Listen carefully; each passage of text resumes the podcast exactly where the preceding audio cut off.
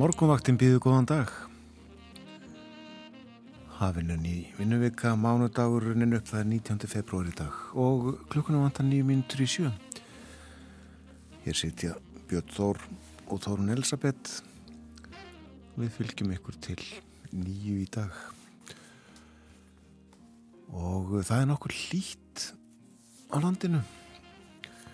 Svona með við ástíma og 60 að hitti það sem líðast var klukkan 6 í morgun. Það var fjórasteg að hitti Reykjavík 5 metrar skíjað tveggjasteg að hitti í Stafóldsei í Borgafyrði 2 gráður líka í Stikisólmi þryggjasteg að hitti á Patrilsfyrði og Logn. 2 gráður í Bólungavík hægur vindur þar Logna Holmavík tveggjastega hitti þryggjastega hitti á Blönduósi. Þrjárgráður líka bæði við Söðanesvita og á Akureyri. Fjúrastega hitti á Húsavík. Tværgráður á Rauvarhöfn þryggjastega hitti á Skeltingstöðum á Eilstöðum hins vegar hittin við Frostmark og uh, þar var lítilsáttar ryggning klukkan 6 nánast logn. Tværgráður á höfni Hortnafyrði fjórar á kvískerjum og þryggjastega hitti á kirkjubæðaklaustri og uh, svo er það áður nefndar 6 gráður, það er 60 hitti á stórhauða hægur vindur þar. 2 gráður í árnesi. Og uh, einstegs hitti sumstaðar á hálendinu til dæmis í veiðivatnarhönni og káranhjúkum, logn á káranhjúkum en hitti við frostmark á hverjaföllum svona viðraði klukkan 6 og það verður hægur vindur í dag. Suðaustan 3-8 metrar á sekundu og skúrir sunnan og vestanlands. Lítilsáttar súlt á köplum norðarlands fram yfir háti Seint í dag er svo von á næstu skilum að landinu. Þá hversir suðaustan 10-18 metrar með regningu undir kvöld fyrst sunnan og vestan til. En í kvöld og í nótt fara skilin norður með úrkomi í öðrum landslutum Á morgun verður aftur suðlega átt með skúrum aðeins kvassara en nú í morgunsárið. Það verða 5-13 metrar á sekundu. En það letir til á norðanverðu landinu. Og hitin 1-7 stygg en yfirleitt í kringum frostmark norðaustanlands. Það er svo áframhald á suðlegum áttum á miðvíkudag, rigning eða slitta en eh, norðaustan alltaf 15 metrar á sekundu og slitta eða snjókoma norðvestan til. Og hitir á miðugudagi kringum frostmark og uh, svo tekur við vægt frost uh, víða á fymtudag frostlust þó við ströndina. En fer mögulega snjóa á ný þegar að líður á vikuna sem sagt. Það er víða greiðfært á vegum landsins en uh, semstaðar hálka. Það er greiðfart á öllum helstu leiðum á Suðvesturlandi einhverjir hálkublettir þó á Helliseiði og eitthvað um hálku eða hálkubletti á Vesturlandi að mestu greiðfært þó. Og uh, á vestfjörðum hálka eða hálkublettir það er flughálka á Öksnúdalsheiði og víða í Skagafyrði og uh, hálka og jæljagangur á Mývarsörafum, hálka á flestum öðrum leiðum á Norðusturlandi.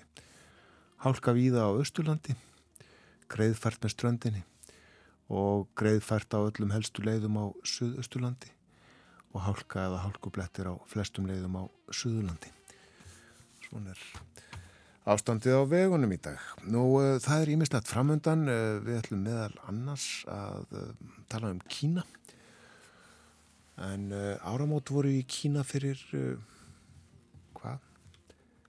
Tíu dögum, nýju, tíu dögum við uh, fáum líka til okkar Artur Björgum Bollarsson í dag en það er mánudagur. Og uh, svo ætlum við að tala um ástand mála hjá heimilislegnum sem að uh, eru að einn sögna að uh, gera eitt og annað annað en að lekna fólk eða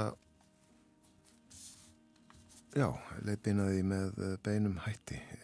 Förum betur yfir þetta í, í ítalegri kynningu eftir fréttinnar klukkan 7 og tónlist vitaskuld og uh, við sitjum fyrsta lag þáttarins þennan morgunin af stað.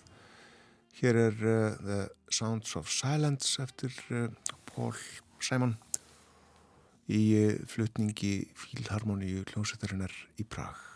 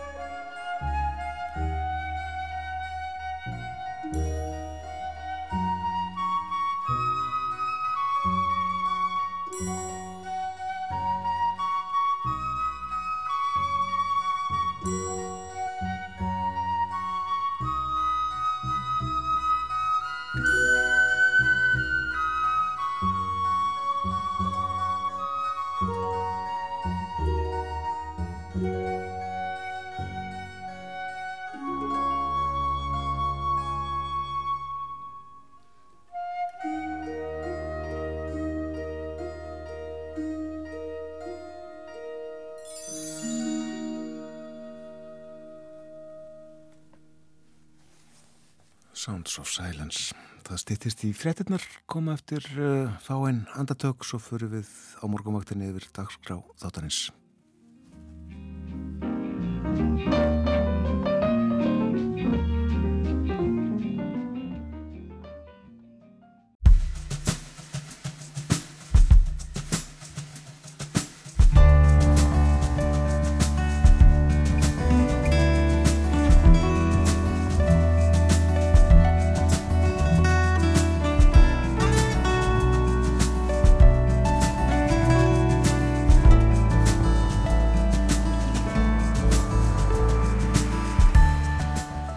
Dag, morgunvaktin helsar mánudagin 19. februar. Umsjónumenn þáttarins eru Þórun Elisabeth Bóadóttir og Björn Þór Sigbjörnsson. Heimilisleiknar tilkynntu í síðustu viku að þeir hefðust hætta að skrifa á tilvísanir vegna barna í þeim tilvökum þar sem þeir sjálfur hafa enga beina aðkomað á málum þeirra. Talið er að í það minnst að þrjú ársverk heimilisleikna hafa farið í þetta síðustu árin. Tinna Karin Átnadóttir, heimilisleiknir á heilsugesslunni í Árbæ, kemur til okkar klukkan halv åtta og við ræðum með hana um breytingar í helbriðiskerfinu.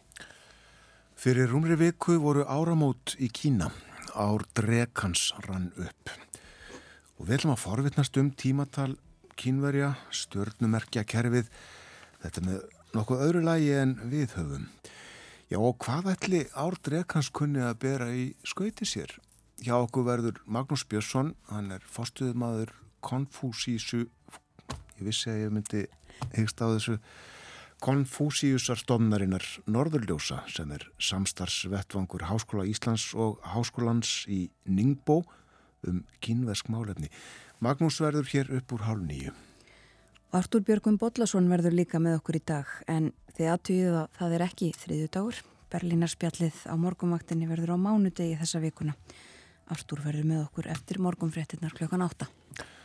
Hugleðingar veðfræðings fyrir daginu dag eru eftirfærandi. Í dag verður suðaustan átt 3-8 metrar og skúrir sunnan og vestanlands. Norðanlands er lítilsáttar súld á köplum fram eftir degi en eh, eftir hádegi þá byrtir þar til. Sent í dag er von á næstu skilum að landinu með suðaustan 10-18 metrum og regningu Fyrst sunnan og vestan til en í kvöld og nótt fara skilin norður með úrkomu í öðrum landslutum. Og uh, hitti í dag að sjöstegum uh, yfirleitt uh, verður hittastíð þó í kringu frostmarkið norðaustalands. Og að morgun verður svo aftur suðlag átt með skúrum. Og þórum þú skoðaðir horfurnar fram eftir viku, verður þetta ekki svona keimlíkt þessu næstu daga? Jú, það má segja það suðvestan eða suðlagar áttir út miðvíkudaginn og uh, miskvast en uh, skúrir víða, regning uh, eh, svo svona fer eftir landsvæðum hvort það er slitta eða jafnvel jél en það er svo á fymtudag sem að það verður norðuleg eða breytileg átt bjart með köplum en fer að snjóa norðan til undir kvöld og þá verður vægt frost viða um land en annars eh, frostlust sem staðar við ströndina. Svo er komið frost í kortin aftur á förstu dag og lögadag í næstu viku. Og þetta fer svona fram og tilbaka eins og verið hefur og verður líklega eitthvað áfram. Aðtöðum hitastíð í nokkrum borgum, eh, það er fjórastega hitti núna í Köpmanahöfn og fer í 6-7 gráður í dag þegar hlýjast verður. Akkurat núna er fjórastega frost í Óslo en uh, þar er búist við einstegs hita setna í dag. Uh, það er einstegs hiti í Stokkólmi og þar snjóar núna og uh, verður frekar kallt eða einstegs hiti. Fjórastega frost í Helsingi og línar örlítið eftir því sem líður á daginn. En sjöstega hitti núna í þórsöfni færiðum og uh, verður hlýtt þar næstu daga. Nýjustega hitti á, á uh, morgun sínist mér. En uh, þryggjastega frost í núk, Grænlandi, þar er klukkan 5 að morgunni. En það eru 10 gráður í París, 7 stiga hitti í Berlín og það regnir núna, 9 gráður í Róm, 9 stiga hitti líka í London 60 í Madrid en uh, á Tenerife er núna 19 stiga hitti og uh, fer í 25 í dag. Það eru líklegast einhverji landar okkar. Já. Eru þeir það ekki einhverjir á uh, hverjum tímapunkti? Já, en svo eru nú vetrarfri í grunnskólum við það og voru fyrir helgi einhverjum einhverjum sveitafélögum í dag og morgun viða annar staðar. Svo jú, líklega enn fleira fólk á faraldsvæti. Fórsíðu minn morgunbladsins í dag tekin á Húsavík, má sjá báta í höfninni. En uh, við sáum og fórum yfir fyrir morgun að það er ljómandi veður á Húsavík nú í morgunsárið. Fjórastega hitti klukkan 6 og hægu vindur. Þryggjastega hitti núna klukkan 7 Nú það er fjallað um stöðuna í Grindavík hér á fórsíðu morgunbladsins vonir standa til að hægt verði að koma köldu vatni á bæin í vikunni og þar með hefja aðtunustar sem í bænum, þetta segir Fannar Jónasson bæjastjóri og hann hvað skilja vel þau sjóna með fyrirtækjaeganda að æskilegt sé að starfseminn geti hafist á ný. Það sé þó vandkvæðum bundið, það sem ástandið á innviðum bæjarins sé ekki nægilega gott. Yfir þessi mál var fæðið í fréttonum hér áðan. Nú uh, segir hér líka frá því að uh, umskipti virðast hafa orðið í sölu á barnabókum eftir að fréttir bárust af lökum árangri íslenskra ungmenna í písakönnuninni sent á síðast ári. Salan hafði dreyið saman frá fyrirluta síðast árs en tók kipp síðla árs og þetta sína sölutölur. Það er heiðar Ingi Svansson, formadur félags íslenskra bókaútgefunda sem að greini frá þessu. Og Ingema Jónsson, fórstjóri pennans, tekur undir þetta, pennin umsöða mikill í bóksölu. Barnabækur seldust í fleiri eintökum árið 2023 en 2022 og þreistandi er að draga þá álíktun að slakur árangur okkar í liðstuðunum í Písa í desember 23 og lífleg umræða í framhaldi að því hafi haft hér einhver áhrif, segir heiðaringi. Nú, uh, aðeins að uh, öðrum fjölmjölum uh, sáum sagt frá því að veð BB að hraðfristi húsið Gunvur hefur nú undirritað samningum smíði á nýju fristiskipi við skipasmíða stöðina Asteleros Ria del Vigo í Vigo á Spáni. Og á nýja skipið að komaðist að Júliusar Germundssonar en skipið verið 35 ára á þessu ári. Og áalladur afhendingatími þess er setin hluti árs 2026 og Östufrétt segir frá því að það er ekki hægt að bjóða út gerð fjardarheðarganga fyrir en búið er að staðfesta fjármögnum þeirra og það stendur til að gera það með vaggjöldum en beðir niðurstaðana verkefnastofu tveggja ráðunetta um framtíð gjaldtöku af umferð. Og samkvæmt drögum að samgöngu áallun til 2038 sem að liku fyrir alþengi þá eiga framkvæmdi við göngin að hefjast á næsta ári með 7 miljardar fjárframlegi og til þess að svo með verða þarf ákvörðun að fara að leggja fyrir því útbóðsferðlið tekur um ár. Vinna við undibúning gangana er í gróðundráttum búin, þau eru full hönnuð þótt ekki hafi öll útbóðsgögn verið skrifuð, segir Bergþóra Þorkelsdóttir vegamálastjóri við Östurfrétt. En það vantar upp á fjármögnun gangana, bæði í núgildandi samgöngu áallun og áðurnemdun drögum, en samkvæmt þeim á að fjármagnagöngin með gjaldheimtu af umferð. Og Bergþóra segir ljósta veggjöld af umferðinni um göngin muni aldrei standa undir þeim til þessi umferðin of lítil miða við kostnaðgangana. Og þess vegna er hort til einhvers konar almennrar skattheimtu af umferð. Fyrirkomla hennar til framtíðar er enn óráðið en innviðaráðunettið og fjármála og efnaðsráðunettið eru með máliði vinslu og það hjá verkefnastofu um gjaldtöku af vegagerfinu. Og fyrsta afurð hennar, eins og segir hér, var gjaldheimta á raf og tvinnbíla sem að tók gildu um áramótinu. Nú og uh, þá til akkurirar en uh, eins og við sögum frá í kynningu hér áðan þá eru hjá okkur heimilisleiknir á helsugesslunni í Árbæ við ætlum að tala um uh, þessar tilvísanir allir sem, allar sem að heimilisleiknar uh, hafa þurft að skrifa út en eru nú hættir fyrir um betri yfir þetta á eftir. En þannig er að helsugeslustöð helbriðistofnar Norðalands á Akureyri verður opnuð í dag á nýjum stað í Sunnuhlíð. En miklar endurbætur hafa verið gerðar á húsnæðinu að undanförnu. Og uh, viðbygging rest við Sunnulíð og rætt hér við Jón Helga Björnsson fórstjóra helbriðistofnarinnar. Hann segir við hlökkum mikið uh, til að taka hilsugjæslustöðina í notkunn. Þetta er í fyrsta sinn í sögu hilsugjæslunar á Akureyri sem starfsaminn verður í húsnaði sem sér hannað er að þörfuminnar og uh, heilsugjæslan er að flytja úr uh, Amor á húsinu við Hafnastræti hefur verið þar núna um árutuga skeið segir í fréttvíkublasins aðgengið að húsinu var ekki upp á það besta og í kjölfar rakaskjanda fyrir nokkrum missurum sem komu upp þá eða fundust og miklu þá var ákveðið að flytja starfseminna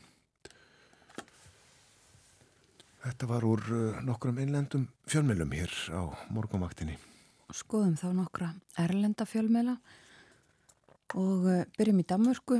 Það er sagt frá því á fórsíðun á politíken í dag að 28% uh, allra barna og úlinga uh, sálfræðinga uh, hafi nú fært sig eða, eða séu í uh, engageranum og yfir helmingur þeirra sem að starfi í, í almanna geranum í ofnbæra kerfinu hafi íhugað að færa sig. Og uh, talað um það að það sé hreinlega hrun framöndan í, í þessu málum og vona því í dag að um, ríkisendurskoðun í Danmörsku um, komi fram með greiningu eða gögn og eh, muni gaggrína harðlega eh, hvernig haldið er á þessum málum í, í, að meðal stjórnvalda í Danmörku. Og í Svíþjóð er talað um hættuna á á verkvöldum það sé villi til þess innan sveitafélaga og að, að skera niður fækka starfsfólki og uh, það uh, aðal umfyllunarefnið á, á fórsíðun á Svenska Dagbladet í dag. Og uh, á fórsíðu dagins nýheter líka í Svíþjóð er fjallaðum orkubúskap Svíja rafmagsbyrðir það hefði vera búið að huga að varaafli og fleiru slíku fyrir lungu síðan, segir í fórsíðu frettinni þar. Nú, uh, í breskublöðunum eru víða myndir frá uh, Bafta velunaháttíðinni sem fór fram í, í gerðkvöldi og uh, við heyrðum af uh, því frettunum hér áðan uh, klukkan sjö Oppenheimer myndin Sigur Sælust uh, þar. Það eru alls konar myndir frá þessum stóra viðburði í Breitlandi á forsýðu, forsýðum bresku bladana það er líka fjallað um uh, farsímabanni í skólum. Við höfum nefnt þetta hér af forsýðum bresku bladana áður og nú er uh, lítið dagsins ljós einhvers konar reglugerð þar sem að skólanir fá uh, auknar heimildir til þess að banna börnum og úlingum að vera með síma. Meðal annars muni uh, kennarar mig að leita í töskum barna. Fjallaðum þetta í fjálmörgum frettum og fórsýðum nú ef við færum okkur á fórsýður bandarísku bladana um, þá eru aðal eða ein aðal frettin á fórsýðun á New York Times í dag um Úkrænu um, rætt við fólk sem að hefur flúið uh, linnulösar loftára á sér rússa í, uh, í bænum Advika uh, Vikva sem að er í östurlutar Úgrænu og úgrænsk úgrænski herin yfirgaf fyrir helgina.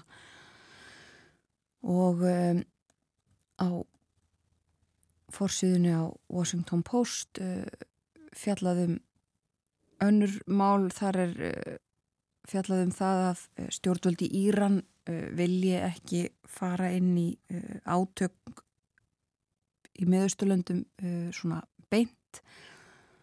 En og þeir vilji ekki stjórnvöld þar uh, komast með beinum hætti á inn í þessi uh, stríðis átök og við heyrðum líka af því frettunum hér áðan að um, Ísraelar uh, hafa sett einhvers konar tímafrest. Þeir segja að ef Hamas skili ekki og afhend ekki gísla sem að enn eru í haldi á Gaza fyrir upphaf Ramadan að þá verði farið inn í uh, Rafa af fullum krafti síðustu uh, borgina á Gaza þar sem að meiri hluti fólks hefur leitað skjóls undan árásum í Ísraela um, Ramadan hefst 10. Uh, mars og uh, allt uh, fjölmargir leðtóar uh, á Vesturlundum og, og enn fleiri að bætast í hóp þeirra sem að hvetja Ísraela til þess að gera þetta ekki. En uh, um, stjórnvöld herr stjórnin í uh, Ísrael uh, hefur neitað öllum viðræðum eða umleitunum um það að hætta við þetta og sagt frá því líka í erlendum fjölmjölum núna að eh, já, vonir um vopnalli hafi dvínað uh, vegna þessara ummæla uh, stjórnvalda í Ísrael. Og eitt af lokum Úrsula von der Leyen ætlar að sækjast eftir því að, halda áfram í stöðu sinni sem yfirmaður innan Európusambandsins það hefur verið fjallað um þetta og, og Björn Malmqvist meðal annars uh, rætt þetta við okkur, vangaveltur um það hvað hún hyggist gera eftir uh, kostningarnar til Evrópaþingsins í sömar og uh, nú er sagt frá því í Erlendum fjölmjölum að hún ætli að halda áfram sem fórseti framkvæmdastjórnar Evrópasambandsins ef hún fær tækifæri til þess fyrsta skrefið í fjóra mánada eh, baráttu segir í, í frett Guardian um þetta. Segjum þetta gott af erlendum frettum í byli en, en minnum á að uh, Artur Björgum Bodlason verði með okkur á óvinnulegum tíma uh, óvinnulegum degi en sama tíma raunar eftir frettinnar klokkan átta í dag. Fyrir frettir klokkan sjö þá líku við lægið The Sounds of Silence eftir Paul Simon. Oftast er auðvitað lekin útgáða þeirra Pauls og Arts Garfungels en áðan heyrðu við að í flutningi Fílharmoníu hljónstarinnar í Prag. Sönglínan var lekin á þverflötu. En þannig er að sagan segir að Paul Simon hafi sami lægið á þessum degi fyrir 60 árum. Það er að segja 19. februar 1964. Hugmyndina læginu hafði reyndar fæðist einhverju áður en hann laug við að 19. februar. Þá var Pól 22 ára. Á þessum árum í upphafi fyrirsins þá kaus Pól Sæmon að semja tónlist inni á Batherbergi heimilissins. Flísarnar á veggjunum skópu góðan hljómburð og oftar en ekki slögtin að ljósin skrúaði frá krananum og létt vatnið renna hann var stróandi og gott að skapa við þær aðstæður. Og þremur vikum eftir að The Sounds of Silence var samið hljóðrituðu þeir Garfungel lægið og fá einn önnur að auki. Þeir voru þá nýteknir að starfa saman á ný og nú undir eigin nöfnum en áður þegar þeir voru úlingar þá skipuðu þeir duett sem þeir kölluðu Tom and Jerry, Tommy og Jenny. Og það var ekki síst vegna The Sounds of Silence sem þeir fengu plötusamning og en lægið var á fyrstu plötuneðra Wednesday Morning 3am sem kom út höstið 1964 og lægið var síðasta lægið á hlið A. En sagan er ekki öll. Saga The Sounds of Silence er nefnilega svolítið merkileg og ekki bara fyrir það að lægið hafi verið samiðinn á Mirkuðu Baðherbergi. Útgáfan á plötunni Wednesday Morning 3am er akustísk og rafmögnuð og uh, naut nokkur af vinselda. En nokkru eftir útkomu þá tók upptökustjórin Tom Wilson sig til og endur hljóðblandaði lægið og nú með trommum og ramaskýturum. Og þannig fór það á næstu plötu Simons og Garfungels sem bar nafn lagsins. Platan Sounds of Silence kom út í janúar 1966 og uh, þar var lægið og svo breyting hafi líka orðið að orðið Sounds hljóð sem var í fleirtölu á frum útgáfunni The Sounds of Silence var nú komið í eintölu The Sound of Silence. Og til að flækja málið þá hétt platan Sounds of Silence. Fleirtölu essið var sem sé í plötu tillinum en ekki í lagaheitinu og það var engin greinir fyrir framann í plötuheitinu, ekkert The Þetta er flókið en uh, rétt held ég bara að uh, segja þetta gott af þessari sögu. Hlusta á upprunalegu útgáfuna af The Sounds of Silence þá órafmögnuðu af Wednesday Morning 3 a.m. Það eru 60 ári dag síðan Paul Simon samti. Kanski ekki allgalið þegar fólk hefur tök á að farin á Baðherbergi með útastækið. Það var ljósins lögt, skrúa örlítið frá krananum og hlusta sem sagt á lægið við þær aðstöður sem það var til í.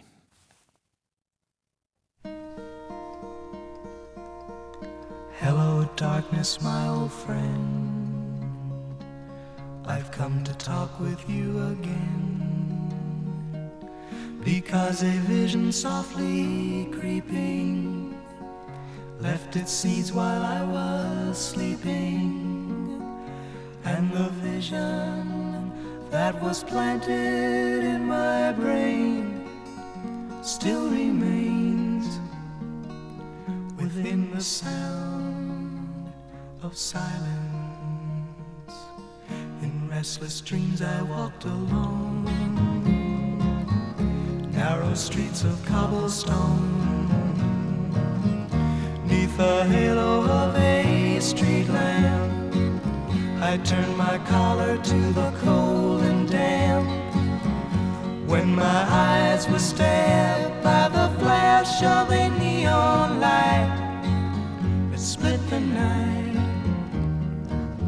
and touched the sound of silence. And in the naked light I saw Ten thousand people, maybe more People talking without speaking, people hearing without listening, people writing songs that voices never shared. No one dared disturb the sound of silence. Fool said I, you do not know silence like a cancer grows.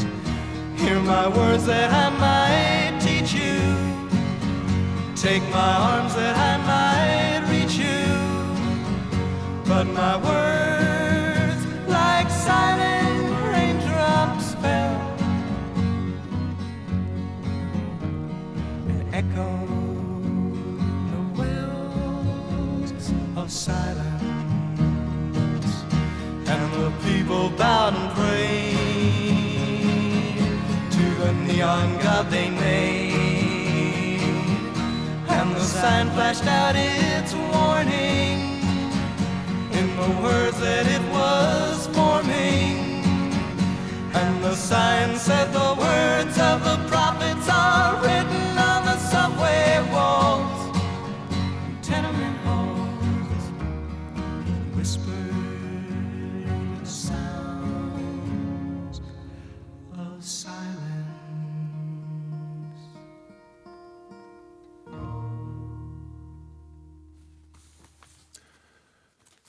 Simon og Garfunkel The Sounds of Silence 60 ár í dag síðan þetta lag var samið. Frettæðuliti kemur frá frettastofu eftir tvær minútur fyrst auglýsingar og eftir frettæðulit þá ætlum við að forrætnast um uh, það sem að heimilisleiknar þurfa að gera uh, annað en að lækna. Það er vona á Tinnu Karin Árnadóttur sem er eh, heimilisleiknir á hilsugesslun í Árbæ. Hún verður með okkur hér á eftir.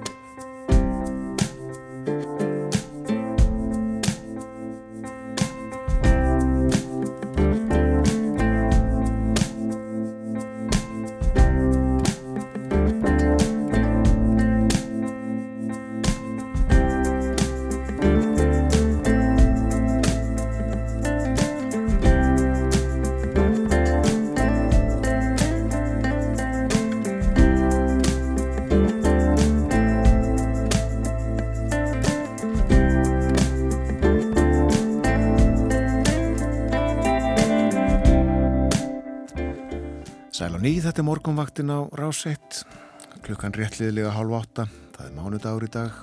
Gleðilega nýja vinnuviku segjum stundum á mánudugum komið 19. februar hugum að veðrinu það verður ágætisveður á landinu í dag. Hægur vindur skúrir lítilsáttar súld á köplum norðanlands en uh, svo hversir undir kvöld og uh, má búast við uh, regningu, regningu þar sem að ekki mun regna fyrirpartags og meiri regningu þar sem að eitthvað mun regna framann af því og þetta mun fyrst gera, gerast sunnan á vestan til. Og hitti í dag víða að sjöstugum en kaldara norðaustalands kringum frostmarki þar. og á morgun þriðudag eh, þá verður sögulega átt áfram 5-13 eh, skúrir en leti til á norðanverðurlandinu. Og það er víða greiðfært á landinu en uh, það er víða líka hálka eða hálkublettir. Og uh, flughálka var áðan uh, fyrir morgun og er enn trúlega á til dæmis Öksnadalsheiði og víða í Skagafyrði og uh, það var jæljagangur líka snemma í morgun á Mývarsöðrafum þetta er huga. Nú uh, minni á að uh, Artur Björgum Bodlason verður með okkur uh, eftir morgun fréttinar klukkan 8 Berlínar spjall á mánudegi að þessu sinni. Uh, Björn Malmqvist í Brussel verður svo með okkur í fyrramálið. Og uh, upp úr hálf nýju að þá ætlum við að fjalla um nýjárið í Kína. Áramót voru í Kína núna. Tíunda februar, eh, þá var nýjástagur tímatalið í eh, Kína eh, er miða við ferðalag tunglsins um sporbögsin hjá okkur verður Magnús Björnsson sem er fórstuðumadur Konfúsiusarstofnarinnar Norðurljósa sem er samstagsvettvangur Háskóla Íslands og Háskólans í Ningbo í Kína um uh, kínvesk málefni. Við ætlum að tala um uh, nýjárið áramótin, þetta er mikil háttíð í Kína og uh, eitt og annað fleira. Nú, þingfundur verður í dag, ég held að það hafi bara verið einn eða tveir þingfundadagur í síðustu viku, svo funduðu nefndir þingsins. Þingfundur er klukkan þrjú og hefst á óundibúnum fyrirspurnatíma og fyrsta mál á dagskrá að fyrir spurnum tímanum loknum er uh, mál frá fjármála og efnaðarsráð þeirra. Fjár auka lög heitir málið en uh, það er um, um, að, um að ræða sagt, uh, heimildiríkisjós til að taka lán alltaf 30 miljardar króna eða jafngildi þeirrar fjárhæðar í erlendri mynd í því skyni að mæta mögulegri fjárþörf vegna þeirrar óvissu sem að ríkir svo kom jarðhræringa á Reykjanesi.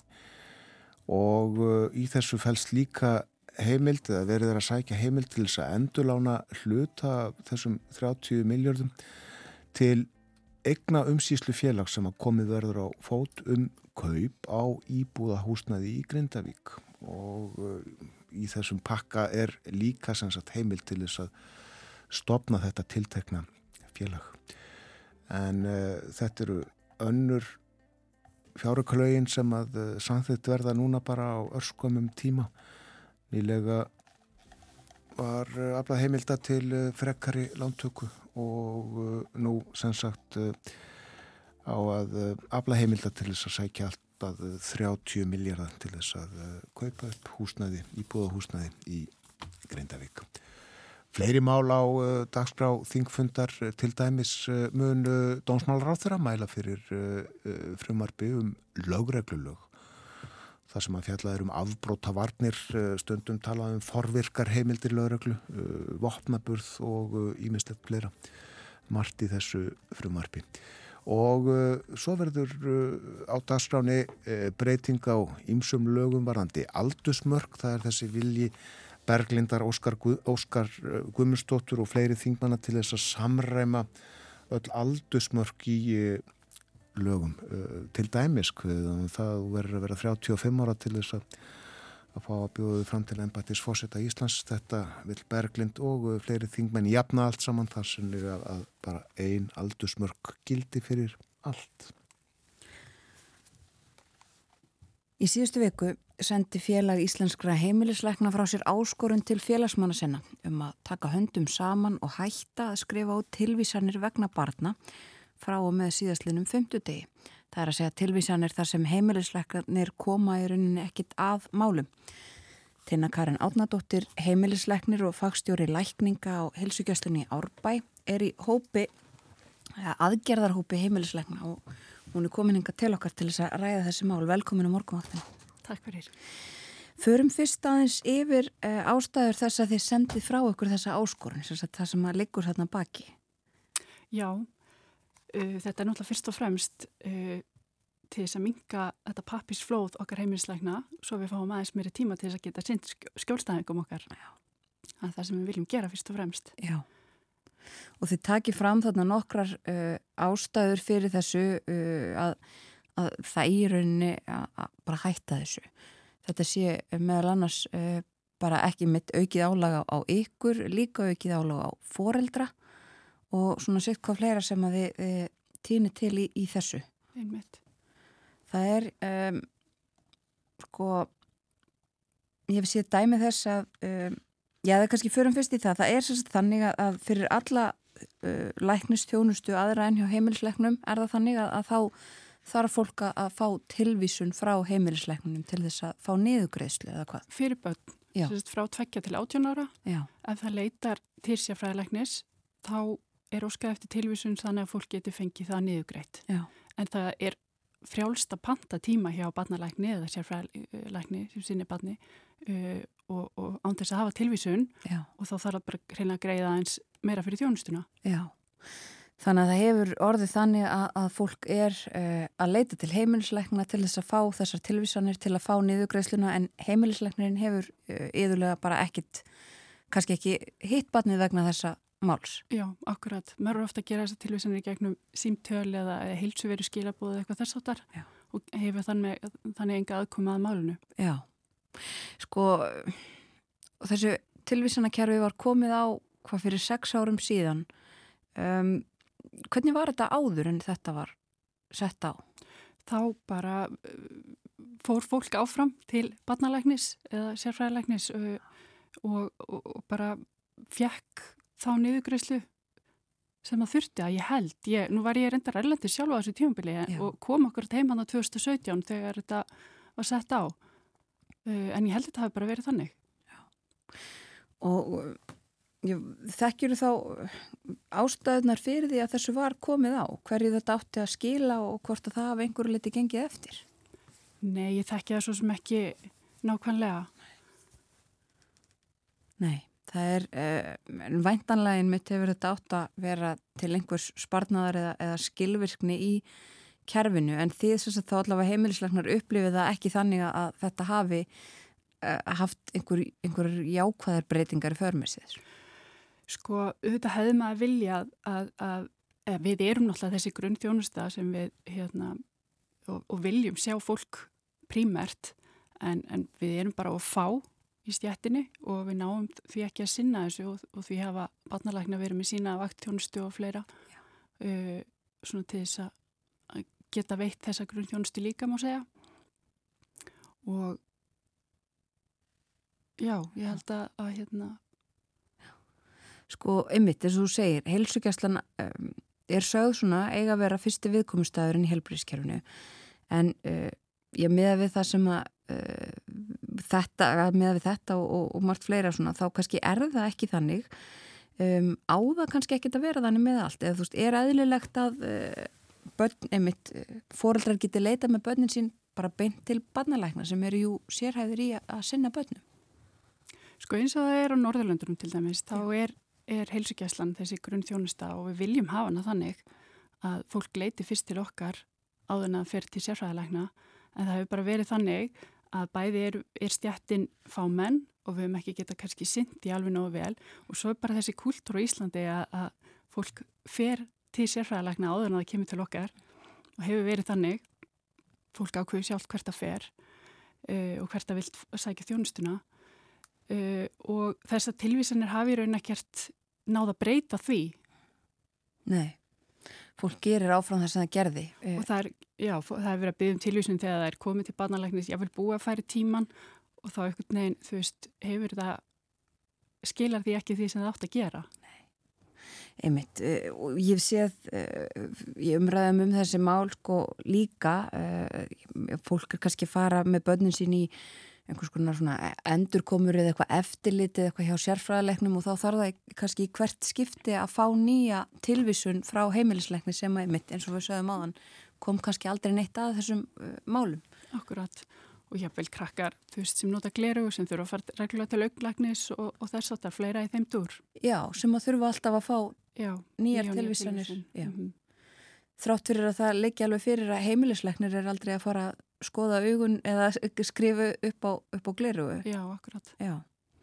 Svo ég líka séði mitt eh, dæmi þess að fólk segist þurfa emdur tekið að fá votor fyrir börnin sín sem eru jafnvel með, með dánshelkinni eða, eða eitthvað króniska sjúkdóma sem aldrei munu breytast en, en enga sigur þá gerir kjærfi þessa kröfu að það sé alltaf verða endun í einhver votor og tilvísanir. Já, já, það er þannig og það fylgir bara læknistarfinu í dag mikil skrifinska áglemdum vottorðum til lögfræðinga og tryggingafélaga og, og hinn og þessu sem við þurfum að vera að votta. Já, þannig að fer, eh, og við svo sem höfum rætt það áður hér á, á, á morgumvaktinni, uh, þessi, öll þessi mitt skriffinska og þessi verk uh, heimilisleikna sem fara í alls konar verk sem að eru ekki, ekki þau að hitta fólk og, og lækna það. Já, og það er náttúrulega það sem við viljum prímert gera, það er að hitta fólk og, og lækna það og tala við fólk og, og og greina vanda. Mm -hmm. en, en þessi pappisvinna hún uh, tekur mikinn tíma og, og, og svona já, fyllir alltaf meira og meira hjá okkur. Það tekir fram í þessu brefi ykkar að þetta séu uh, að meti sem svo að þetta séu að minnst að kosti þrjú ársverk heimilisleikna bara það að skrifu tilvísanir vegna barna. Einmitt, að minnst að kosti það og ef við gætum fengið þessa þrjá heimilisleikna á gólfið og jafnvel stitt byggtíma eitthvað örlítið þá verður það þess virði. En er fólk, um, ef við kannski bara einmitt aðeins höldum áfram að tala um þetta með, með börnin, er, er fólk að leita oft til uh, lækna eða til sérfræðalækna án þess að uh, þess væri rauninu þörf? Það hljóma svolítið eins og þess að þetta sé svona, það hafi verið eitthvað viðbrað við, við einhverju svoleið sko? Já, við náttúrulega getum sendt ímsu í heilsugjæslinni uh, og getum og, og vísum auðvitað áfram þegar við þurfum að fá aðstofa kollega sem er sérfræði mentur í einhverju ákveðnu, ákveðnu grein. Um, þannig að það er alveg hægt að treysta okkur fyrir því að við, við munum vísa fólki áfram þegar þessi þörf en, en heilsugjæslan við viljum við, erum, já, við viljum sinna allir þessari grunn þjónustu sem við hefum að gera Þú talar aðeins áðan um Norðurlöndin og, þú þekkir til þar. Um, erum við ekkit að líta þangað um, í þessu málum? Er, er þetta allt öðru vísi sem uh, við, uh, við sinnum þessu heldur en þar? Sko ég þekki til í mörguða sem ég bjó og, og, og lærði sjálf og þar er þetta þannig að þú ferð alltaf til þín slæknis uh, áður en þú fer nokkuð annað og þá að það líka við fullorna Já. en þar getur þú heldur ekki panta tíma hjá sérfræðilegni nema að fara fyrst í þín seginsleiknis og, og þannig er líka bara kultúrin að, að þú vilt fara og hitta þinn leikni því hann hefur umsjónum þín mál. Já, og við auðvitað þó þekkjum það að hér á landi er það þannig að það er bara fjöldi fólk sem að áengan heimilisleikni og, og á þau sem að eiga heimilisleikni eiga miklu merfileikum oft með að komast þar að. Ymmiðt og þannig viljum við alls ekki hafa það og að það séu fjóra vikur, jáfnveil átta vikur í byggð eftir að komast ef heimilisleikni, þú veist, þetta er í raun bara á óásættanlegt. Þannig að þetta var svona kannski svolítið ákall frá heimilisleiknum að við myndum fara að beita okkur eitthvað sjálf uh, til þess að reyna að koma breyta hlutunum og, og koma þessu pappisflóðu okkar niður þannig að við hefðum meiri tíma fyrir skjólstæðinga. Mm -hmm og þá var þetta raunin að vera ákveð að byrja með þessa tilvísanir og reyna að ná þeim niður. Já, og uh, var þessu hætt þarna á 15. hefur upplýsingar um það heimilisleiknar er að svara þessu ákalli félagsins? Já, það hefur verið mikil samstæð um þetta og, og stopnarnir teki vel í þetta og, og fóreldra líka hafa sínt þessu skilning auðvitað getur þetta valdið tímabunni óþægindi fyrir fóreldrana en, en flestir hafa sínt þessu skilning. Já og heilbriðsráð þar hefur sagt, hann sagði það í þinginu að það verði hlusta á heimilisleikna, er eitthvað að gerast í þeim málum? Við fengum svar við erindun okkar frá heilbriðsráðunetinu uh, þar sem bara kom fram að, erindu okkar hefði verið móttekið og að, væri verið að skoða samspil tilvísana og greiðslu þáttöku og við mættum mætta svars eftir einhverja vikur þannig að við vorum bara að það verði sem fyrst. Já, en þanga til að þá verður þessum aðgjörum haldið áfram? Þanga til verður þessum aðgjörum haldið áfram, já. Já. Og hvað, einmitt, eins og segir, það var ákveðið að byrja á þessu, uh, þetta uh, er, eins og við nefndum áðan, að minnstakosti þrjú ársverk heimilisleikna, en þú komst aðeins inn á þetta áðan líka uh, að hérna, það er mjög margt annað sem að hefur verið fært á herðar eða er á herðum heimilisleikna, alls konar vottor og alls konar tilvísanir. Um, mér langar bara að spyrja það svona, hvað hva væri næst að ykkar mati að uh, breyta ef, að, ef að þetta gengur eftir eins og helbriðsáður hefur sagt að það verði hlusta á heimilisleikna um, hvað næst? Um, hverju myndið þau vilja breyta öðru? Já það er ímislegt í skoðun. Um, ef ég nefni dæmi með um eitthvað sem, sem þarf að skoða betur og fara í og þá er það auðvitað heilsuvera sem er gríðarlega, gríðarlega aukning á, á uh, ráðræfnum samskiptum hjá okkur Um, ég get nefnt dæmi um endurhæfingar áætlanir uh, sem fólk þarf að fá ef það er í endurhæfingu. Og ofta fá þessar endurhæfingar áætlanir á, á nokkru mánuða fresti þannig að það eru endurteknar komur og, og uh, pappisskrifinska í kringum það. Um, Já, uh, vottor til tryggingafélag og lögfræðinga hafa stóru auki í síðastliðin ár og þau taka mikinn tíma, þetta er oft laung og þung og flókin vottorð og þetta tekur langan tíma. Vistu, akkur þetta, það verður orðin svona mikil aukningi þessu? Uh, eins og varðandi vottor til oft lögfræðinga þá er þetta oft í tengslu við það að fólk lendir í slísi, bílslísi eða eitthvað, eitthvað svo leiðis og, og árétt á bótum og, og þá þarf náttúrulega að staðfesta þetta áverka og, og veikindi fólks í kringum það og það er það gerna við sem gerum það við heimisleikna, við höfum svona yfir umsjón yfir málefnum fólks og, mm. og veitum hvað það er búið að vera að fara í gegnum uh, þannig að maður geti hugsað sér að, að lögfræðingu geti fengið afriðt að sjúkurskráða eitthvað í staðin Já. það myndi kannski flýta fyrir Þannig að þetta er kannski þá bara eitt af dæmunum líka um uh, það sem að eigst með miklu fleira fólki, uh, fólksfjölgun og kannski hefur ekki heim, uh, heilbreyðskerfið haldið í við það. Já, það gæti verið. En svo er bara þetta að, að þurfa að skrifa svona mikið í kringum kannski sama hlutin Já. Og enduteknar það er það sem er líka slegar uh, heimilslegna enduteknar uh, kröfur um uh, staðfesta alls konar hluti sem að þegar Já. hefur verið fjallað um og staðfest. Já, Já. Það hefur líka verið tekið fram um, og eins og ég nefndi hérna áðan og þá höfum við svona rætt þessi mál áður um uh, þetta, alla þessa skrifinsku og einmitt hilsuveru og, og svona álag sem að fólk upplifir.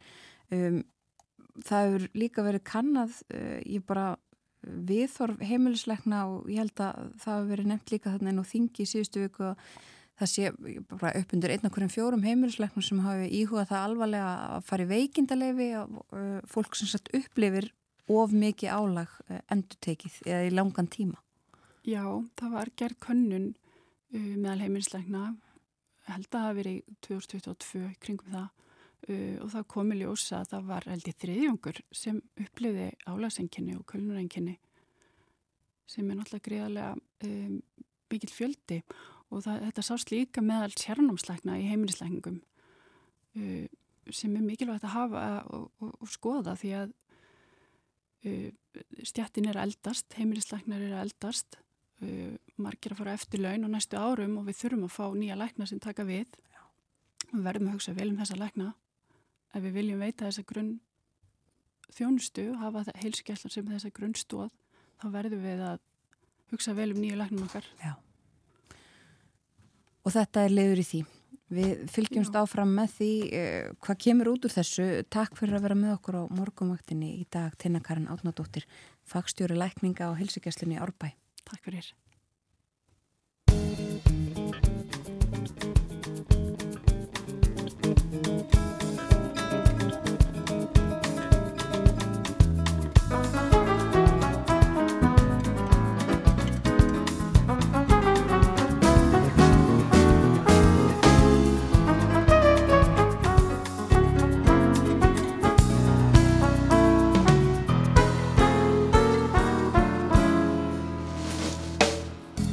Tava jogando 21.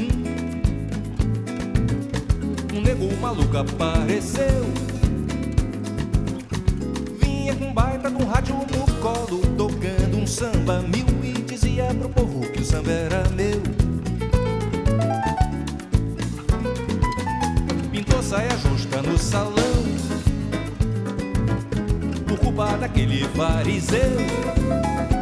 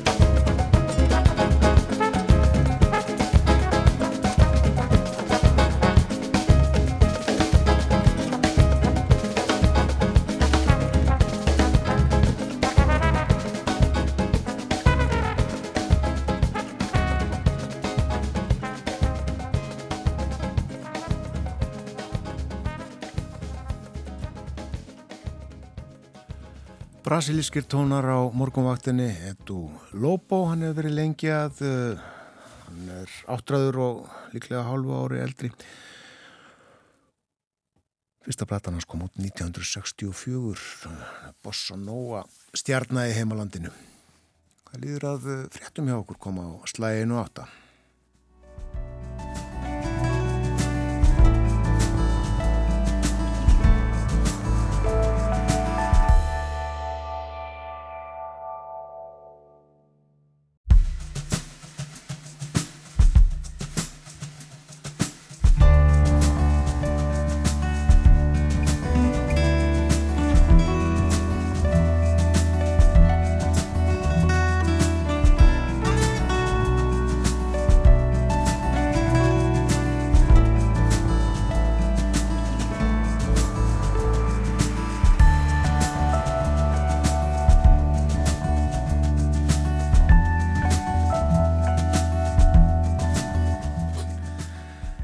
aftur, þetta er morgunvaktin á rásett, klukka núna rétt liðlega átta, farin að ganga nýju sannsagt, 6 mínútur gengin í nýju og það er mánudagur í dag, komið 19. februar.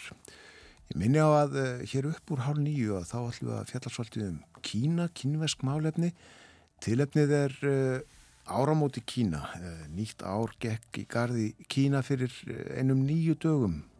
Nýjástagur í Kína var 10. februar. Tímatalið í Kína miðastu ferðarlag tunglsins um sporbögsinn. Og hjá okkur verður Magnús Björnsson, hann er fórstuðumadur Konfúsiusarstofnarinnar Norðurljósa. Spjöllum uh, vítt og breytt á eftir. En uh, hér næstu mínútur eru Þískmálefni á dagskrá. Artúr Björgvin Bodlason er komin til okkar og uh, Þískalands eða Berlínar spjall hér framundan og uh, við uh, segjum það þriðja sinn líklega í dag kæri hlustendur, það er ekki þriðu dagur ekki rauglast þó að Artúr Björgvin svo kom til okkar við snýrum þessu við í dag vegna þess að Artur Björgun er stattur á Íslandi. Góðan dag og velkomin til okkar. Góðan dag, makkaði fyrir þessum. Hvaða ferðarlegar á þeirra eiginlega? Ég, ég, nú þeirra fórréttinda að fá endurum og sínum að kynna góðum önnum Ísland, þar sé að þau verum, og er hér, eh, var hér á ferðinni með eh, Þíska reittstjóra sem að stýrir, eða menningarreittstjóri eins af stærstu dagblöðunum í Brandenburg sem er sem svæðið í kringum Bellingrunni og hann eh, kom hinga til þess að skrifa tvær greinar í sitt blað, annars vegar ferðagrein og hins vegar menningargrein. Og uh, þegar að uh, menn alltaf á fáinu dögum að efna í svona mikla greinar þá þarf einhver að vera með sem hefur komið áður, eða áður eitthvað verið á landinu og þekki til.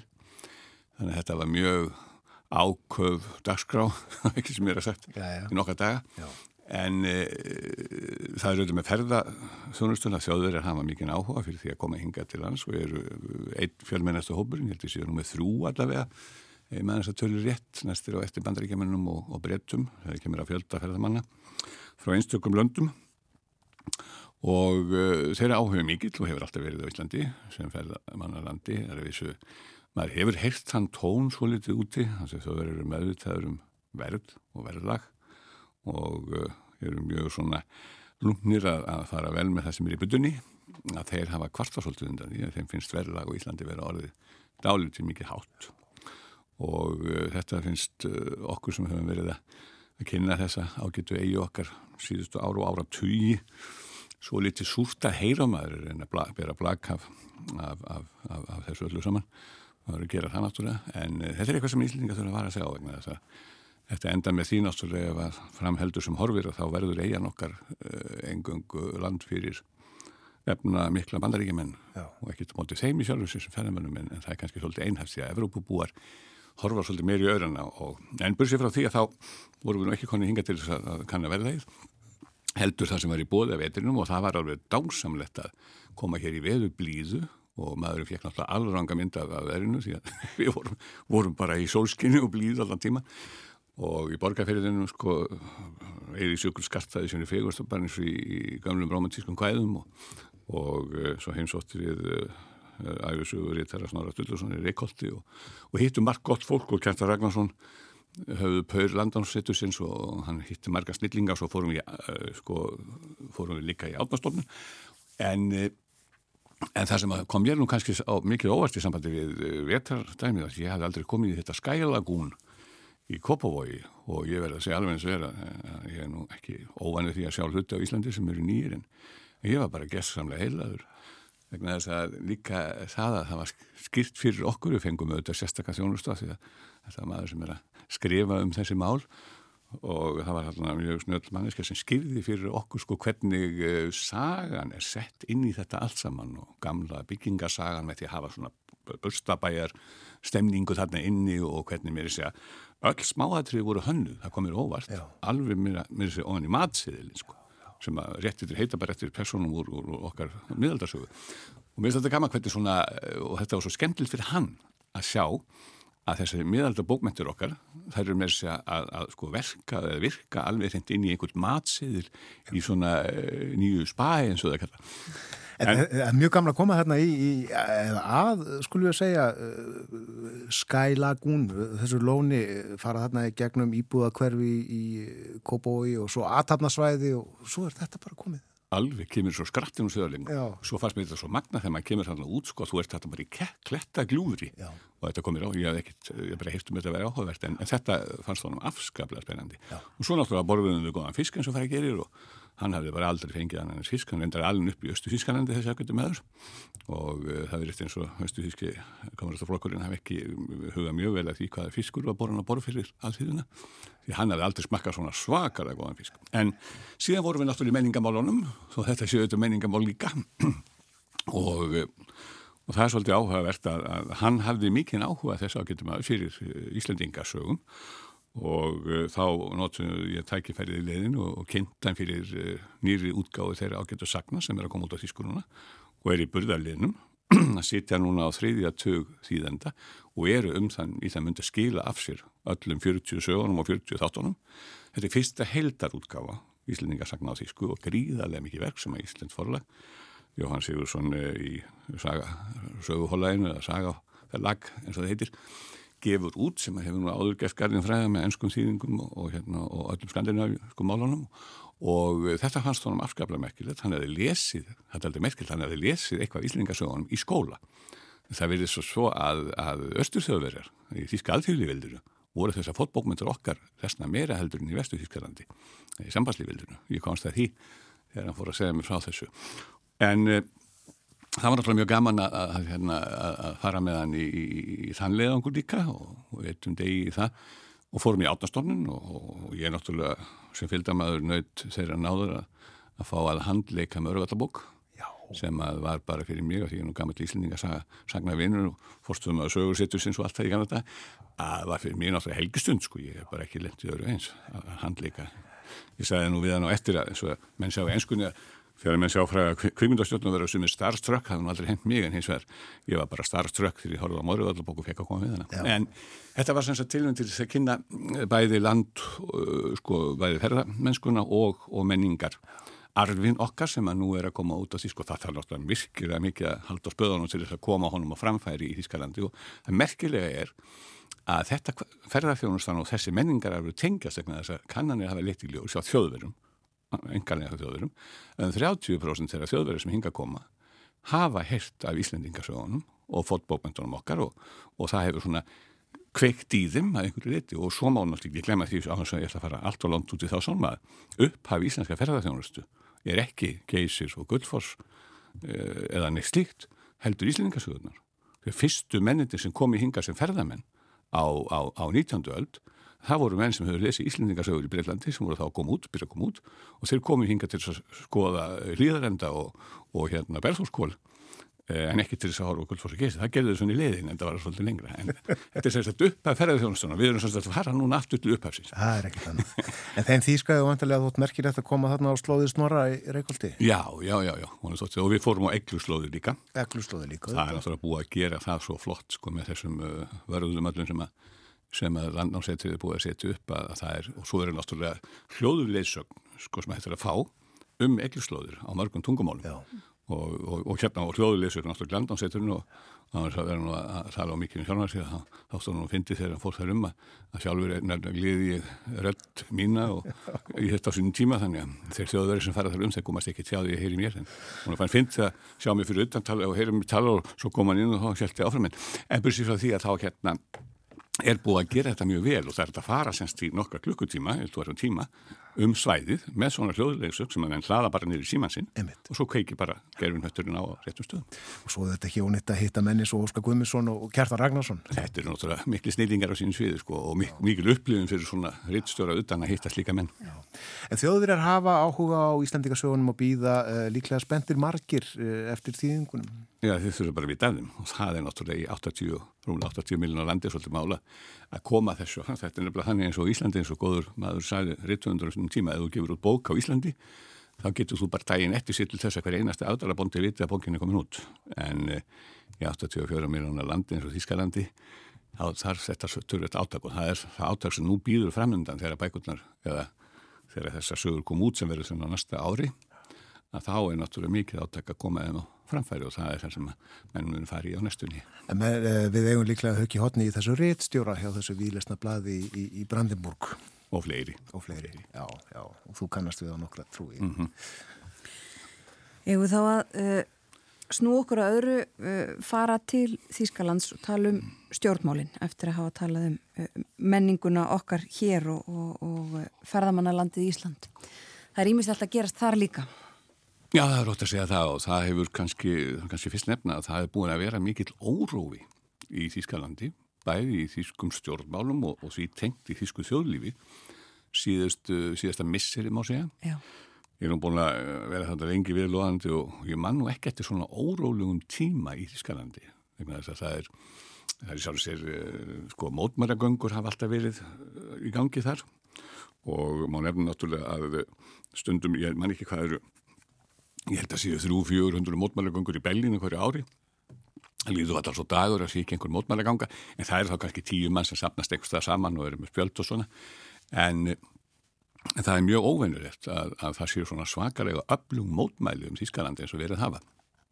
Nú, bændur hafa verið að láta heldur betur í sig heyra, það komist í heimsfrettinnar, þeir hafa verið aka um á sínum eh, glæsu vögnum, þar séu dráttavílum eh, og, og, og semst að bara stípla stærstu senda kundurinn í bara þeir verið að leggja dráttavílum og köplum alveg frá brandborgarliðinu og upp að, að figursúlunni þarna, þannig að það hefur verið sko það hefur verið gatan sem kendir við 17. júni sem er gríðalega lungt breygata, hún hefur bara verið full af, af drallafílum.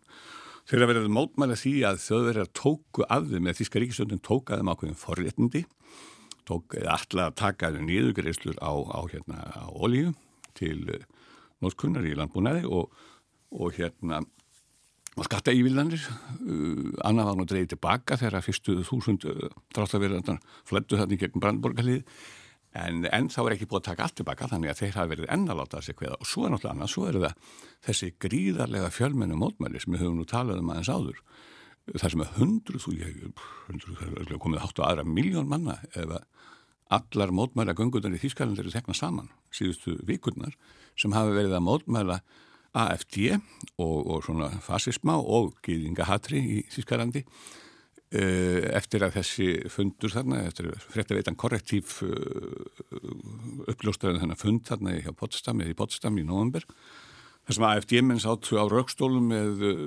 aukahærmönnum og þjóðunni sinnum sem eru þekktir í Þýskalandi fyrir mjög aukafullur og skuggarlega skoðanir svo ekki sem er að setja og þetta hefur verið svakali bylga og maður bara fer ekki svo leið sko, um helgar út í Bellin að það sé ekki eitthvað 20.000 manna á gödunum og þetta er um allt og með þessi östuðurkanandi er þetta búið að vera tölvitt líka. Og svo er það pólitíkin sjálf. Hún er búin að vera róstusum uh, það standa öll spjót á Ríkistjórn Nólar Sjólds hún er því alls ekki vinsæl og hún hefur verið mjög umdelt og það stafar einfallega því að, græningar og frálsýttimokattar uh, eru afskaplega ósamála um æðimart bara í gær síðast að þá heyrði í fréttunum á Þýskalandi að það var enn eitt deilumál komið upp, þau eru farin að hrannast upp þessi deilumál. Og meira segja, sko, ástandið í stjórninu það slemta í gær sá ég þá frétt sjálfur á netinu að einna fórustumönnum frálsa demokrata listi því yfir að hann væri farin að býða óþrjöfullur eftir því að frálsa demokrater getur farið að mynda stjórn með kristilegum. Já. og það er náttúrulega bara svona þá er, þá er hann bara að skera upp hér og gegn samstaflokku sínum í stjórninni. Og þetta hefur verið ósundur þykk stjórn. Og það er það sem gerir líka þennan óru að hluta til að, að svona pólitíska óru að fólk treystir ekki stjórninni finnst hún óöryggur, óörygg því að hún er að koma fram með einhverja tillögur sem eru feldar jafn harðan af einhver sko öðrum af samstaflokki. Það kemur eitt flokkur fram með einhverja tillög, hún bara fellur vegna að samstaflokkurinn kemur fram og segir neini, þetta viljum við ekki og um þetta eru mörgdæmi. Mm. Og svo er náttúrulega uh, flokkakerfið að breytast. Við höfum áður sagt frá því að, að, að Sara Vagnkneitt, einhverna gömlu kempurinn Óskars Lafontaine sem hefur gilið eftir djúpspor í þýsku stjórnmálarlífi síðustu áratöga að Sara Vagn Gneitta hún stopnaði þennar flokksinn í januar og núna fyrir fánundum, já fánundum í fyrirdag að þá hópaðist, þá kom hópur manna saman á báti eða skipi sem sildi á Rín, flótinu Rín í námynda við Bonn. Það er ekkert sem er gamla gamla höfuborg Hískarlands meðan að Eh, þetta voru tvö ríki, er þessi vestu Þískalands mm -hmm. og þetta var allt saman þrungið svona táknrænum táknrænir meiningu því að Þetta voru 20-30 manns sem að uh, voru þarna undir fórustu Hans Georgs Masen sem er nú ekki óþektur maður í þýskum stjórnmálum. Því að hann, og þýskum þjóðmálum því að hann var um í sex ár var hann forstuðum að þýsku öryggismála stofnunarinnar eða fassungsschutz og var þess vegna uh, sem er stofnun sem hefur eftirlið til dæmis með aukahópum, hægri aukahópum og, og það er kalt hægnu örlagana að þessi maður sem stýrði þessari stofnun sko fyrir fáinum árum hann er núna undir eftirliti þessari sömu stofnunar.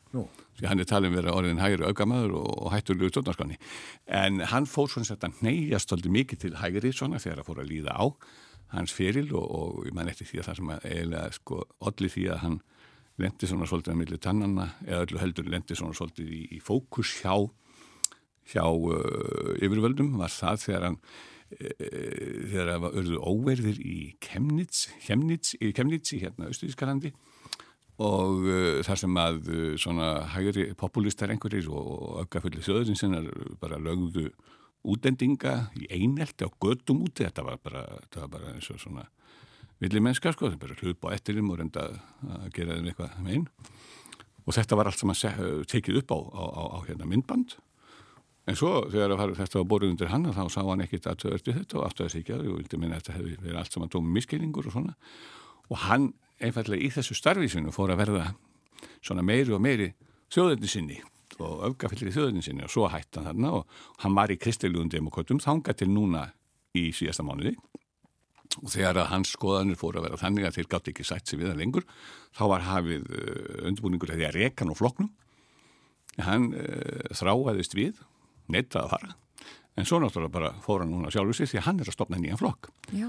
og þetta er að uppistæðan í þessu, þessu flokki sem var stopnað þetta var svona stopnfundur sem haldin var svo verður einhvers konar aðalfundur haldin mjög fljóðlega Eh, upp í staðin í þessu flokki eru svona gamlir kristilegi demokrata sem hafi verið í fílu út í flokkin alveg síðan á dögum Angelu Merkel því það var alltaf tölverður hópur í kristilegi demokrataflokknum þegar Merkel var kanslari sem leitt svo á að hún væri bara allt og vinstisinnuð hún væri bara ekki alvöru hægri manniska og, og þeir vildu færa flokkin sko aftur lengra til hægri frá miðjunni eins og hann hefði verið áður. Og þess vegna var þessi sigling á rín sko í námyndaðu bonn því að þetta átti að vera svona endurreysna Adenauers uh, fyrsta kanslara Þískanans á sínum tíma vestu Þískanans því hann var náttúrulega átti heima þarna í, á þessu svæði.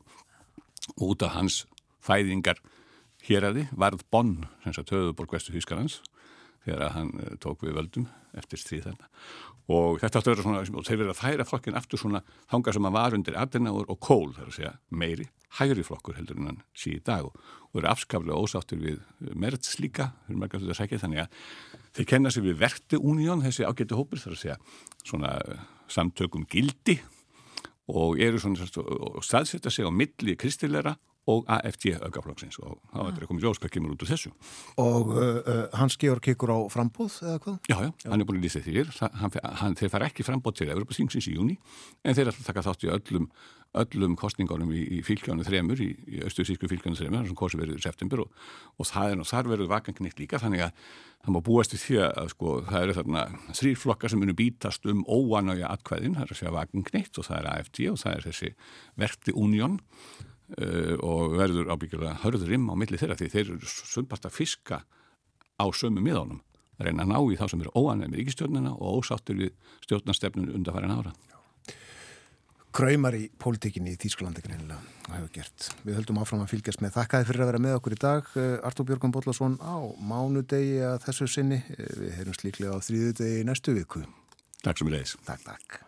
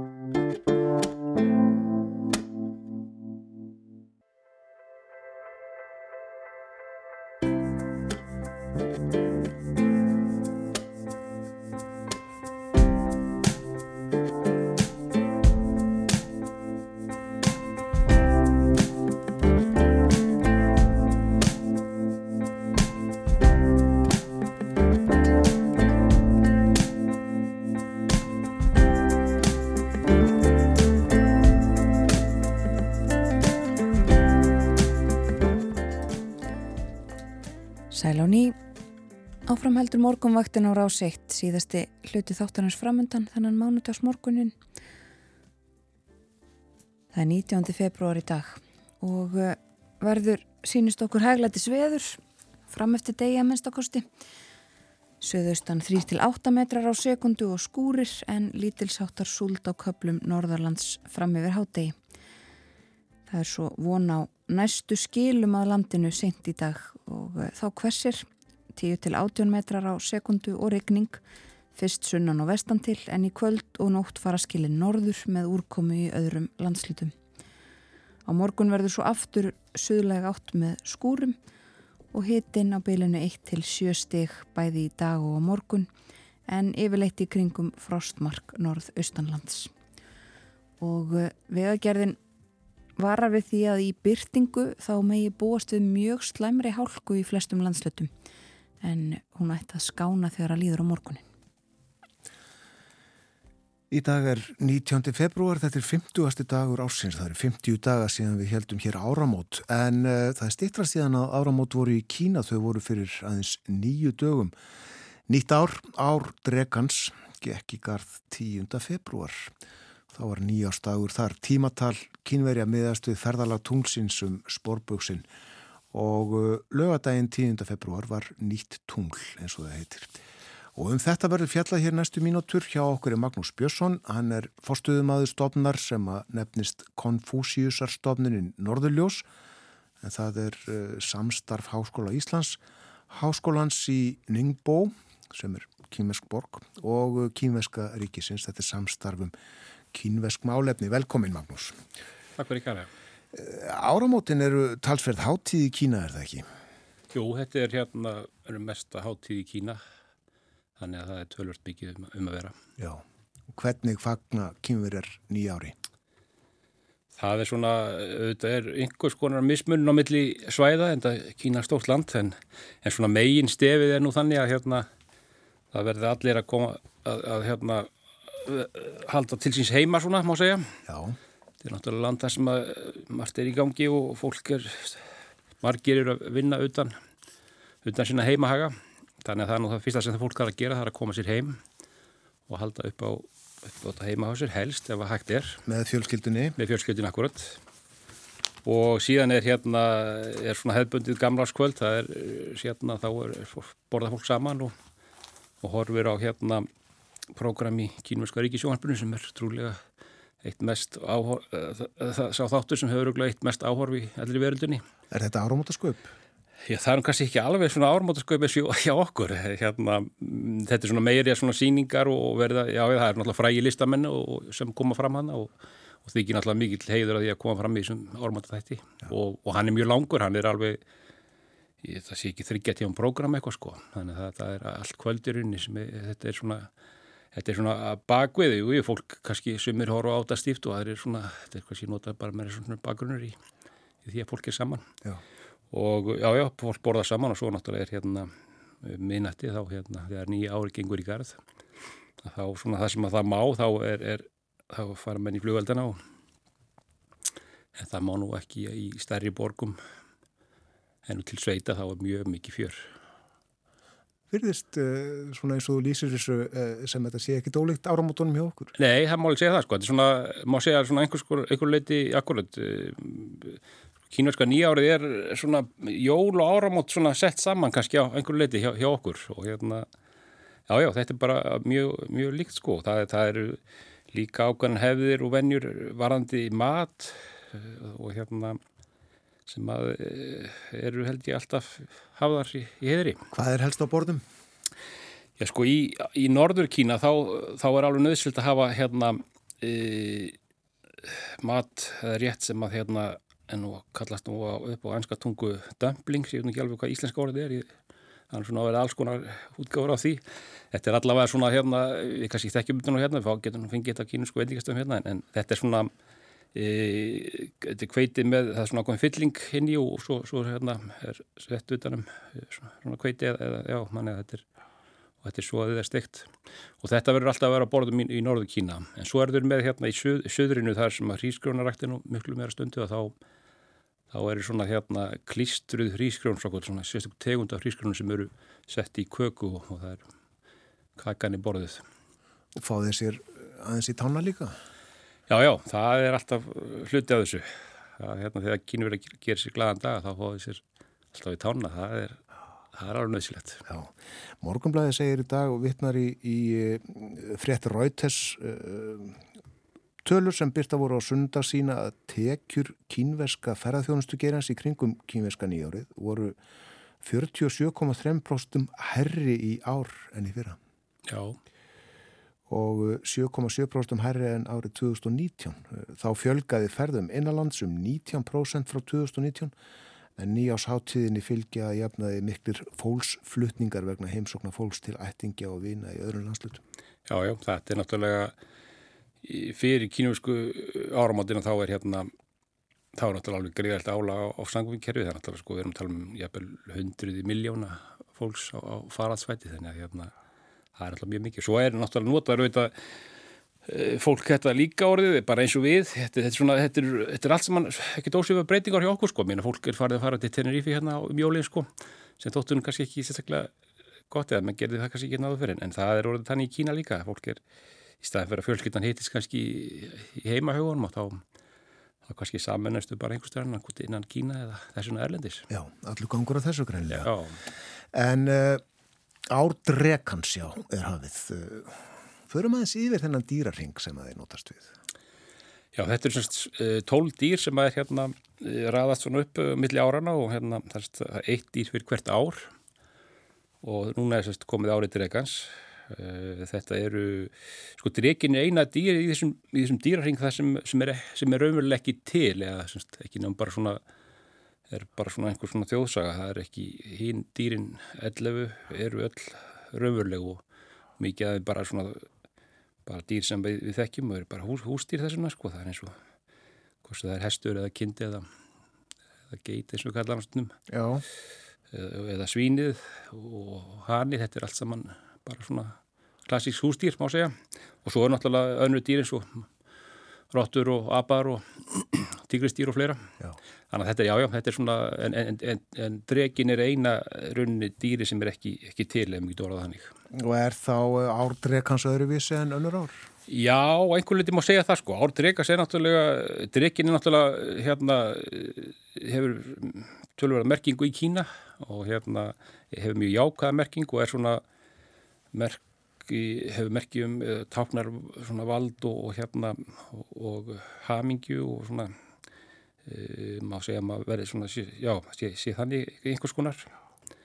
Og að hann er mjög, mjög ákað og Drekkin hefur náttúrulega í svona, í svona þessu svona eh, við höfum talað um svona í gömlum tímum og þá er talað um að Drekkin hafi haft mikið um það að segja hérna gengi vel í, í landbúnaði að ringdi nóg eða, og eða ringdi ekki nóg þá, þá þurfti að ákalla Drekkan til þess að hérna fá ringningu og hann stjórnaði svona veðrum og vindum skulum segja Þannig að hérna drekkin, já, já, hann hefur törlut mikið seg og þess vegna er áldreikars uh, mjög mikilvægt. Já, þannig já, út frá þjóðtrúni sem sagt að, að, að uh, þá verður þetta ágættis ár. Já, já, já, já, það, það er sko, og... já, já, það, þetta má nú alveg, alveg gera ráð fyrir þetta verður ágættis ár. Þetta er, drekka árin eru reyndar sko geta verið svona ár mikill að atbörða en það svo, svo er annað element sem kemur þetta sem kannski flækjar eins málinn því að það eru svo eins og svona fimm grunn frumefni jarðarinnar sem að hérna Eh, tengjast þessu líka og, og hérna sem er semst eh, vatn, eldur, málmur, jörð og hérna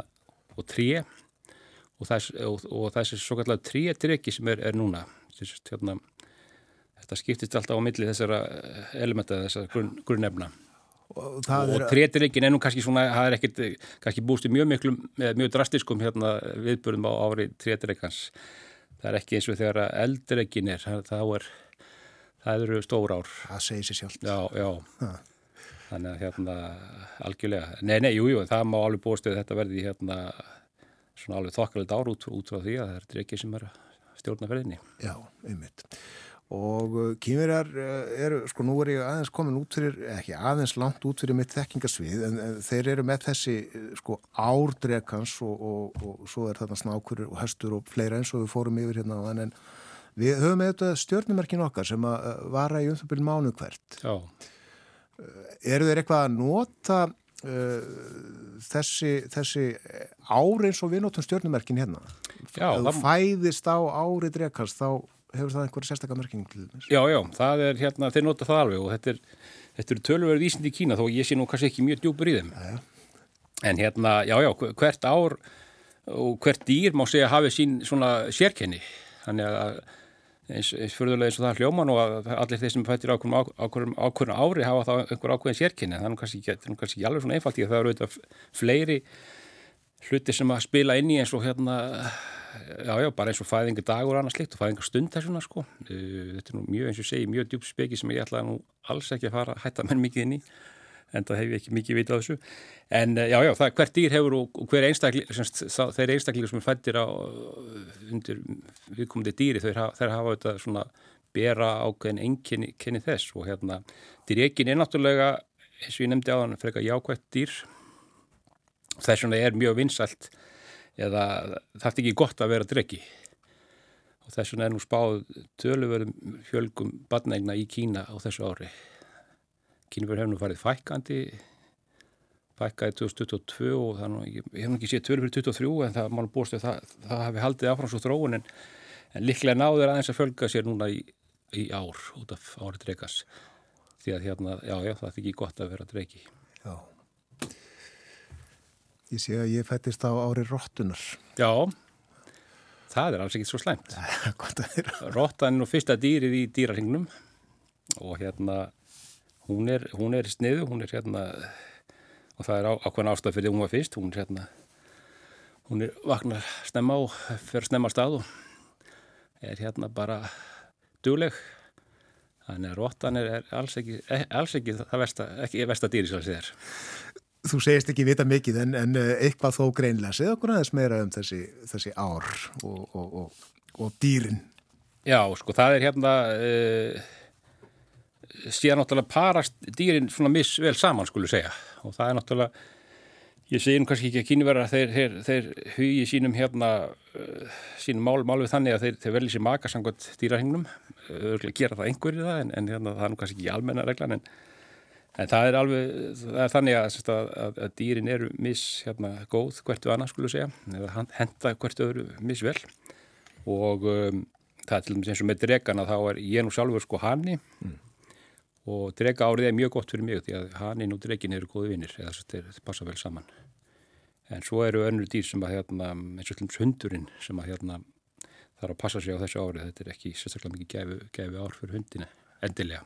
En hann þarf allavega að, svona, já, að hugað sínum málum ekki vera að passa samur. Já, kannski ekkert sérstaklega gott að segla inn í nýtt ár með, með þá vittnesku. Nei, nei, en, en það er nú svona, þú veist, það, það koma góð ár fyrir þig, þannig að þú þarf bara að halda þér, þú ert undur, þá bara halda þér svona, halda þér bara móttunni, það er bara þannig sko. Og svo er reyndar sko, ef þú ert drekki sjálfur, að þá er reyndar þetta ár líka ekkert, þarf ekkert endilega að vera mikið gæfu ár þú þarf sjálfur að, að hérna, þetta getur verið ár sem að e, það eru, ég, ég þekki þannig svo mikið nákvæmlega hvað hva, hérna, en, en, en sko þú þarf að, það er svona ákveðin hluti sem á er ágætt að gera en aðri hluti sem þú þarf að passa þig vel á sko. Og helst að klæða því alltaf að vera í einhver rauðu. Það þarf ekki að vera all, all rauð flík sko, en bara og ekki nefnum bara svokkarnir en nærbúsunar rauðar, þá er það, er það ágætt. Og alltaf allt árið? Já, helst allt árið, það heldur svona ákvæmnir hérna vernda hendi yfir það er svona heldur yllum yllum, yllum öndum eða yllum öflum frá. Já, já. Já, svo segi þjóðtrúin. Já, já, einmitt. En hvernig er það, eru áramótin alltaf, er nýjástagur alltaf á uh, nýja februar tónunu, sér sagt?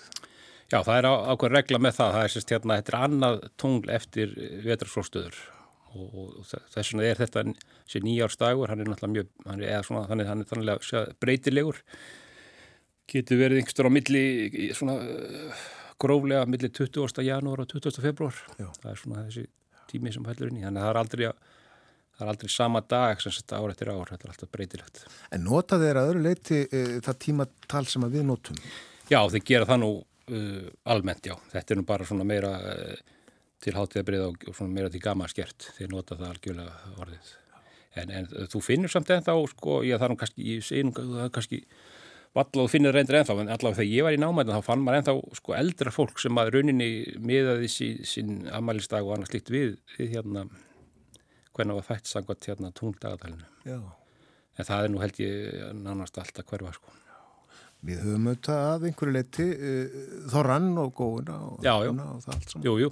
Þannig að við, já, já, þó að við séum, akkur, þetta er mjög sambarlegt sko, þó að við séum náttúrulega ekki að miða okkur ammælistaga með þetta, þessa gömlu, gömlu mánu og þá er samt eh, notu við þetta svona til þess að hérna minna okkur á að halda, halda, halda upp á eitthvað. Já, já mikil hátíðahöld í Kína í tenslu með nýjárið og það var lítil hátíð er það ekki hjá ykkur í, í stofnuninni um síðustu helgi út í háskóla hjá, hjá Konfúsiusastofnuninni Norðurljósum. Jú, það var svar við hérna, við emdu til hátíðar núna á, á lögadaginn og hérna hefum alltaf, hefum gert það núna, reyndar ekki á COVID árunum en svona þegar ekki er COVID þá hefum við haldið þessa hátíð árlega og reynda svona fanga þessa stemmingu sem er gleði stemmingu sem er í Kína við meðum kannski ekki skjóta flugveldum en, en, en svona það er svona hérna, það er dregin mætir hérna svæðið og, og hérna margt svona til, gama skert og að líf og fjör já það þetta var bara uh, mjög skemmtilegt og, og vel hefnað og hérna fjöldi fólk sem mætti þetta er uh, gaman að sjá hvað hérna einmitt Íslandingar eru það var gaman að því að mæta svona svona háttir við hérna þetta hefur fyrir okkur verið vel, sótt hjá okkur og, og hérna, að það er bara mjög, mjög gamla því. Búa hér margi kynverir? E, svona í, e, ég þekki nú ekki alveg nákvæmlega tölundar, það er, þeir eru ykkur hundruð sko. Já. Það sé ekki, kannski geti verið einhverjum millir 600 og 800, ég, ég, ég þekki ekki tölundar nákvæmlega sko. Það er ekkit svo sem mjög við erlenda ríkisbókur á Íslandi, þá er þetta kannski ekkit mjög hátt stór hópur en samt svona vaksandi hópur skulle við segja.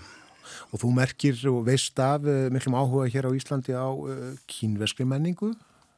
Já, ég myndi nú segja það sko. Fólk er nú hérna, frekar opið fyrir því og, og hefur, hefur tölvöran áhuga. Það er, það er svona ímestlítið kínuska menningu sem verið skrænilega hérna, draga fólk að. Já. Þetta var um uh, nýjárið í Kína og dýramerkin. Gaman að fá því þáttin að, að segja frá þessu Magnús kannski bara fá þeim til þess að koma hérna aftur eftir ekkert svo langan tíma til þess að spjalla aðeins meira um, um Kína og, og starfið ykkar í Konfúsiusastofnunni. Já, takk fyrir það, bara gaman að því bara. Ljómandi. En takk í dag. Já, takk fyrir þess.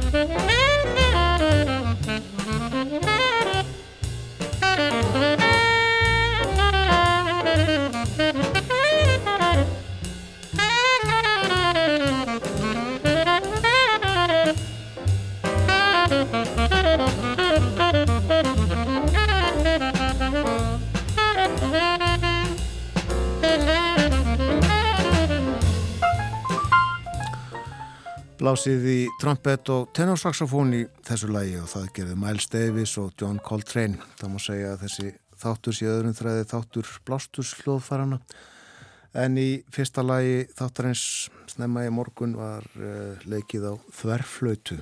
Hún var í aðallutverki flutningi fílhormoníu hljónstreinar í Prag á uh, The Sounds of Silence eftir Paul Simon. En uh, 60 ár voru liðin í dag eða eru frá því að Paul Simon samti það lag og við hlustuðum á það í tveimur útgáfum, annars vegar áður nefndri og hins vegar í flutningi þeirra Pauls og Art Skarfungals. Þetta nefnir það því sem við hefum gert í dag. Já, hefum gert ímislegt, fengið til okkar viðmælendur. Eh, Rættum við Artur Björgum Bodlason á ofinnilegum tíma og Björn Malmqvist verði með okkur í fyrramálið í stað Artur Björgvins eh, nefnum það líka. En við töluðum líka um stöðuna í helbriðiskerfinu hjá heimilisleiknum og svo nú síðast um kínverska nýjárið, stjörnumerkin og, og hátíðahöldin hjá kínverjum. En þessu er lokið hjá okkur í dag. Já, Björn Þór, Þórun Elisabeth þakka samvildina við verðum hér aftur í fyrramáli bjóðum góðan dag löst fyrir sjö. Njótiði dagsins og verðið sæl.